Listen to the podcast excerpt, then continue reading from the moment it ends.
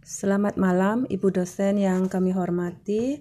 Uh, hari ini Kamis 8 Oktober 2020 uh, saya akan mencoba memberi ulasan mengenai materi yang sudah Ibu berikan uh, yaitu mengenai permasalahan penelitian.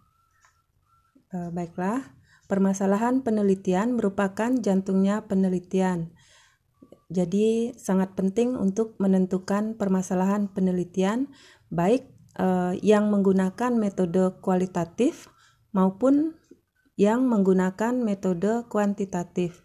Tanpa permasalahan maka penelitian tersebut tidak perlu dilakukan. Apa itu permasalahan penelitian?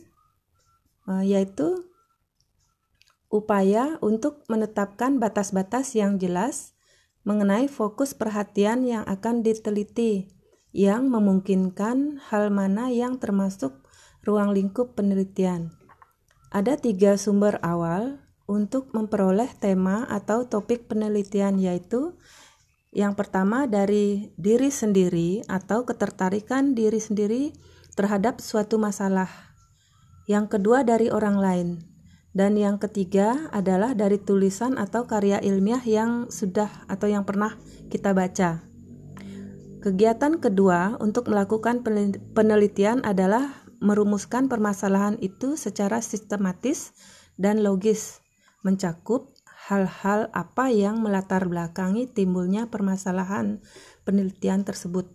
Kemudian, isi permasalahan dimasukkan di bagian permasalahan. Jadi, tahapan penelitian itu meliputi satu menetapkan, mencari, mengidentifikasi permasalahan atau tema.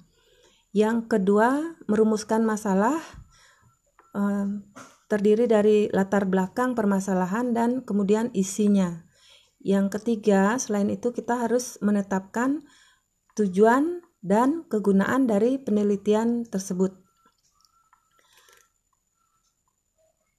Yang pertama, cara untuk mendapatkan permasalahan dan bagaimana merumuskan permasalahan. Yang kedua, rumusan dalam bentuk pertanyaan. Rumusan permasalahan itu dalam bentuk pertanyaan bisa apa, bagaimana, di mana. Ya, kemudian tujuan penelitian yaitu menjawab dari permasalahan itu sendiri.